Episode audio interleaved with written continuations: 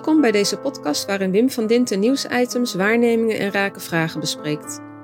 In deze aflevering laat hij zien wat Greta Thunberg onbesproken laat. Zij eist gedragsverandering, maar vertelt niet of dat mogelijk is en hoe je dat dan bereikt. Gedragsverandering is pas waarneembaar als je aan verschijnselen en gebeurtenissen een andere betekenis toekent dan je gewoon was. En dat ontstaat in wisselwerking met andere omgevingen en omstandigheden dan die waaraan je gewend was. Ik bewonder Greta Thunberg en tegelijkertijd mis ik bij haar heel veel wat er nou juist toe doet. Ik bewonder haar omdat ze het lef had mensen aan te spreken over wat er weg is en dat we snel moeten veranderen en dat de gevestigde orde zich mag aantrekken dat ze daar kennelijk niet toe in staat is. En ze sprak uit dreiging en opstandigheid, woede die door heel veel mensen zal zijn gedeeld. Maar ik hoorde nooit hoe het dan zou kunnen. En heel veel mensen die haar volgen, ook in de milieubeweging waar ik het over had, die gaan er kennelijk vanuit dat ja, gedrag van mensen niet te veranderen is en dat je dat snel moet doen en dat je. Maar in die 50 jaar van de milieubeweging zie je dat ze nooit bezig zijn geweest zozeer met gedragsverandering, maar steeds met doelen stellen en die uitdrukken in geld en mijlpalen. Het echte probleem is, wat mij betreft, dat we het niet en nooit hebben over wat nou eigenlijk die gedragsverandering is, waar we op uit zouden moeten zijn. En ja, dan ligt het voor de hand dat je ziet dat je in de wereld van denken over die veranderingen voorbeelden krijgt, vormen aangereikt krijgt die allemaal een dwang uitgaan, een dwang uitoefenen en een element proberen te dekken wat dan veranderen moet. Dus dan moet het klimaat, om het klimaat van het CO2 omlaag en om de natuurbiodiversiteit in Nederland te verbeteren, moet eh, stikstofoxide en, en ammoniak worden aangepakt. En wereldwijd moet CO2 worden aangepakt. En wat je, wat je ziet is dat het gedrag van mensen veranderen kennelijk niet bereikbaar is voor de huidige gevestigde orde die aan het roer is. Of het nou wetenschappers zijn of politici, technologen, filosofen. Je, je ziet dat de essentie waar het om gaat, dat wij een ander gedrag zouden moeten vertonen, maar niet door wil breken. Wat is die essentie? Dan wil ik beginnen met hoe het nu gaat dan zie je dat, nou dan neem ik maar weer die duurzaamheidsontwikkeldoelstelling van de Verenigde Naties met haar 17 velden, die door heel veel mensen wordt aangehangen. En dat je in elk veld ziet dat we, men uitgaat van de mogelijkheden en de belangen van mensen, die staan centraal, en het denken van mensen. En dat je dat in elk veld door terugziet uh, als, als ontwikkeldoelstelling, duurzaamheidsontwikkeldoelstelling. Maar wat, wat is duurzaamheid nou eigenlijk? Als je uitgaat van wat voor mensen betekenis heeft, dan wil duurzaam zeggen dat wat ik uit wisselwerking kon ontstaan, moet kunnen blijven ontstaan. Zich moet kunnen herhalen, zich moet kunnen handhaven. Dat het verlies van biodiversiteit eigenlijk zegt dat we niet duurzaam bezig zijn in de zin van dat de omgeving en omstandigheden waarin dat leven kon ontstaan niet meer aanwezig zijn. Dat kan zijn doordat we de zee leegvissen. Of dat we met pesticiden het uh, dierlijk leven en insecticiden, uh, insecten uh, de, de, dood injagen en daarmee de natuur ontmantelen. Wezenlijk is dat je herkent dat als we willen veranderen en moeten veranderen, dat we dan aan verschijnselen een andere betekenis moeten geven dan we deden. En dat is een enorme opgave, omdat je dan heel vaak afstand moet nemen van wat in de afgelopen eeuwen is ontstaan. Neem Rerum Novarum, uitgebracht in 1891 door paus Leo XIII, waarin staat, eh, paragraaf 6 tot en met 9, dat God alles geschapen heeft voor de mens, dat de mens vrij is dat te gebruiken, naar zijn eigen wil en willekeur. En dat gaat en vermenigvuldigt u de leuze is waarmee we dan de wereld ingezonden werden. Met andere woorden, de mens stond centraal en mag alles gebruiken en mag eindeloos groeien. En dat zie je ook terug in allerlei beschouwingen in de westerse wereld. Die, die manier van kijken en die manier van denken is uh, de dominante vorm van denken. Dan ga je dus uit van jezelf en je rationaliteit bij betekenisgeving. En als je dan in de natuur iets ziet wat moet veranderen, dan ga je kijken hoe in die vorm van werken en denken je dan een aanpak moet vinden. Maar de natuur en betekenisgeving aan datgene wat in de natuur ontstaat, ziet er totaal anders uit dan uitgaan van jezelf en rationaliteit gebruiken. Op de eerste plaats zijn wij uit wisselwerking ontstaan. Ouders die samen een kind voortbrachten. En toen je de buik van je moeder verliet, ging je de omgeving met haar en alle anderen delen. En evolueerde je verder. In wisselwerking schuilt de potentie tot evolutie. En als je die wisselwerking aantast, tast je de potentie tot evolutie aan. Maar in Rerum Novarum zie je dat God alles heeft geschapen voor de mens en dat je gewoon naar willekeur je gang kunt gaan. Dat is natuurlijk een hele poos goed gegaan toen er nog maar 2 miljard mensen tot zo'n 2 miljard mensen waren. Maar als je ziet wat we nu doen, dan met, met, met z'n 8 miljarden, dan gaat dat natuurlijk niet meer. De natuur kan zich niet herstellen en ook toen de Paus Rerum Novarum schreef, kon dat al niet meer als hij goed zou hebben gekeken. Dus wat je, wat je ziet als gedragsverandering is dat de manier waarop wij aan verschijnselen betekenis geven, moet worden veranderd en verbreed eigenlijk tot het feit dat we niet alleen van onszelf uitgaan en onze rationaliteit gebruiken, maar dat we ook uitgaan en vooral uitgaan van datgene wat uit wisselwerkingen ontstaat, waaronder we zelf en waaronder de ander en waaronder de natuur en al wat groeit en leeft. En dat je in die wisselwerking ook herkent dat wij evolueren in wisselwerking met anderen en met de omgeving. En dat dat natuurlijk specifiek is. Als je opgroeit in Zuid-Italië of in Noord-Italië of hier in Groningen of in Limburg, in jouw omgeving met jouw mensen, met jouw context, met jouw historie, dan is dat zo specifiek dat dat moeilijk te verwisselen is met een generalisatie waarin je dat allemaal ontkent. Dus als je bij de EU uitgaat van modellen en regels die je over ons uitstort, dan ontken je het verschil in specificiteit en wat daarin kan en kon ontstaan en de rijkdom ervan.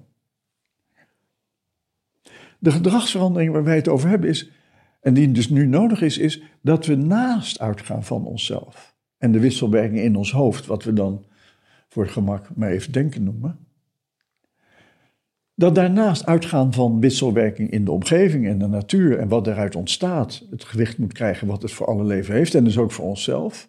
En dat je ook erkent wat daaruit kan ontstaan en niet in denken tot stand kan komen. En als je dat herkent, dan begrijp je dus ook dat als je met jouw westerse methode, waarbij je uitgaat van jezelf en jouw denken, dat je die gebruikt om in Afrika te gaan landbouwen, of dat je naar Afrika gaat om daar je medische wetenschap neer te zetten, dat je dan een enorme interventie pleegt in hoe mensen daar wonen en leven en werken. En met elkaar omgaan. Dan zie je dat in Madagaskar in 50 jaar tijd de bevolking verviervoudigd is en dat dat land dat niet kan dragen. Dan zie je dat mensen hun mogelijkheden worden ontnomen als wij onze technieken gebruiken om daar landbouw te plegen. En dat die mensen dan opstappen, op de vlucht slaan een ander heen komen zoeken. En dan natuurlijk komen waar zij denken dat het beter leven is. Immigratie is de sociale vorm van het klimaatprobleem, maar we weigeren het op dezelfde manier te behandelen en gewicht te geven als het echte klimaatprobleem. Op het moment dat je herkent dat mensen in wisselwerking opgroeien krijgen ze natuurlijk ook mee hoe zij betekenis geven. En in de westenwereld is dat wat je dus ook ziet, uitgaan van jezelf en je rationaliteit gebruiken. En het is duidelijk dat als je zo opgroeit en, en zo getraind raakt, dat je dan die vormen waarbij je uitgaat van evolutionaire betekenisgeving, dat wat uit wisselwerking ontstaat, en groep sociale betekenisgeving, dat dat is gereduceerd of zelfs bij sommigen niet meer tot zijn beschikking hebben. Dan, dan gooi je bommen op Oekraïne. Of je schiet lieden dood, omdat ze je niet in de weg, omdat ze je in de weg zitten. Dan heb je niet meer in de gaten wat er voor het leven toe doet.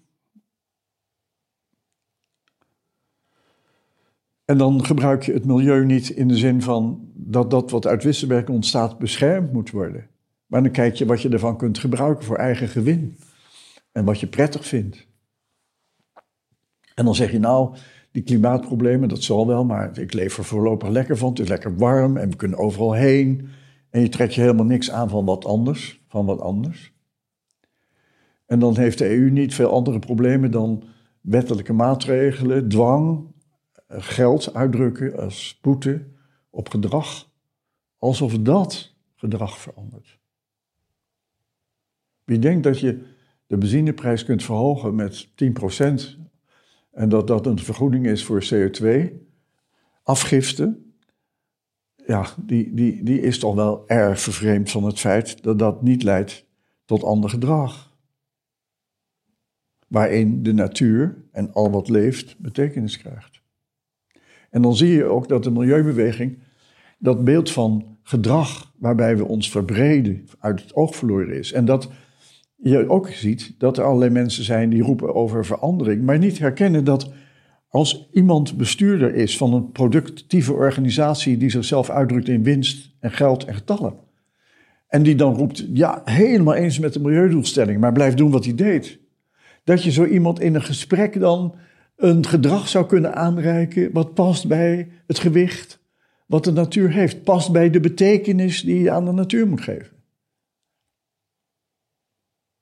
De, de naïviteit, te denken dat je in een gesprek iemands gedrag kunt veranderen die leiding geeft aan een bedrijf waarbij die getraind is alles in economische begrippen neer te zetten en betekenis te geven, is, is absurd.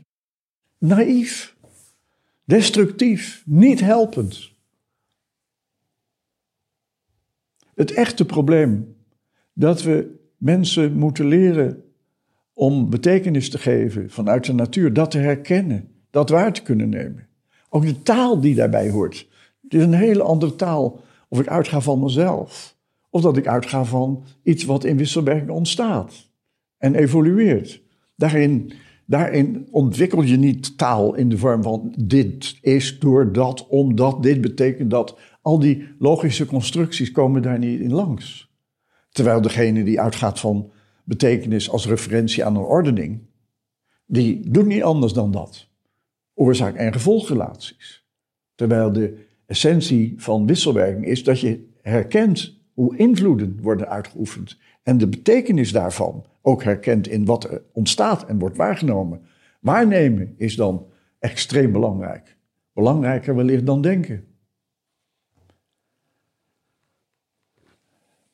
Het is heel goed mogelijk gedrag van mensen te veranderen door ze steeds omgevingen te bieden waarin ze herkennen welke vorm van betekenisgeving in die omgeving passend is en hoe die omgeving daartoe uitnodigt. Dat is een hele andere omgeving dan wanneer ik in de top van een bedrijf ben die mij uitnodigt om het gebruik van technologie en wetenschap en rationaliteit en alles geld en getallen uitdrukt. En het is naïef te denken dat die mensen die dat doen, die zo een bedrijf leiden, dat die de stap kunnen maken naar de vormen van betekenisgeving die verbonden zijn met wisselwerking. Die zullen die overgang van vormen van denken naar herkennen wat uit evolutie en wisselwerking ontstaat en zich als evolutie manifesteert, is een zo grote dat je die niet in een gesprek of in een mondelinge overdracht kunt overbrengen, maar dat je die alleen maar in ervaren kunt opdoen. En dan moet je de omgeving hebben waarin die omgeving daartoe uitnodigt. En je moet moderatoren hebben die je daarbij helpen. Het is mogelijk om je oriëntatie te verbreden. Niet voor iedereen, maar voor heel veel mensen kan dat. En natuurlijk moeten we naar een onderwijs waarin mensen van mede aan aangereikt krijgen. Wat uit wisselwerking ontstaat en het verschil herkennen wat maakbaar is en niet maakbaar is en alleen uit wisselwerking kan ontstaan. De overgang naar het gedrag wat we nodig hebben om te overleven is haalbaar en mogelijk. Maar ik maak niet de fout dat ik dan ga vertellen hoe de wereld er daarna uit gaat zien, omdat de mensen die die overgang maken en over alle vormen van betekenisgeving beschikken, wel de wijsheid hebben om te weten wat dan passend is en nodig. En ja, om daar te komen heb je leergangen nodig en onderwijs nodig om mensen te helpen in het ervaren alle vormen van betekenisgeving tot hun beschikking te krijgen, waarbij wat ze oorspronkelijk konden en deden natuurlijk blijft domineren, maar dat andere komt er dan naast. En ja, wij, wij, hebben nu, wij hebben nu na zo lange tijd, we zijn 30 jaar bezig ermee, die vormen van onderwijs en ervaringsleren tot onze beschikking en kunnen dat graag, willen dat graag aanreiken.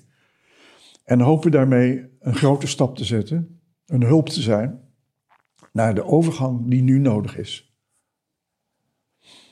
En iedereen die dat wil, wordt van harte uitgenodigd om daaraan deel te nemen en zo bij te dragen aan de veranderingen die nu nodig zijn.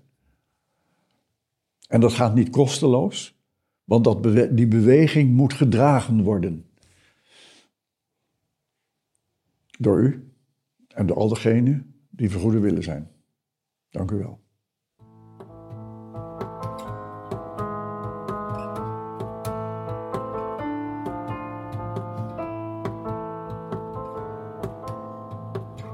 Er is ook een vlog van deze podcast. Klik daarvoor op de link die je vindt in de omschrijving. Heb je een vraag of item waar we volgens jou aandacht aan kunnen besteden? Stuur een berichtje naar czen, apenstaartje of via Facebook, LinkedIn of Twitter.